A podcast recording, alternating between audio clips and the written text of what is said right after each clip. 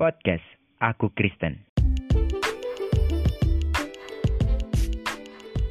Mungkin dari antara kita semua ini ada yang sedang menjalankan bisnis, tapi bisnisnya mandek atau tidak berjalan karena adanya pandemi COVID-19. Tetapi firman Tuhan mengajarkan kepada kita dari kitab Mazmur 1 ayat yang ketiga berbunyi demikian. Ya seperti pohon yang ditanam di tepi air, aliran air, yang menghasilkan buahnya pada musimnya dan yang tidak layu daunnya. Apa saja yang diperbuatnya berhasil. Jadi dia mengatakan kepada kita bahwa apa pun yang kita kerjakan, suatu saat nanti Tuhan akan bikin berhasil apa yang kita kerjakan. Ketika kita benar-benar berserah sepenuhnya sama Tuhan, mengandalkan Tuhan.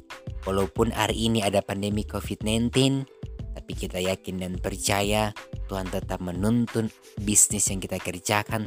Tuhan tetap melindungi keluarga kita. Yakinlah apa pun yang kamu lakukan berhasil.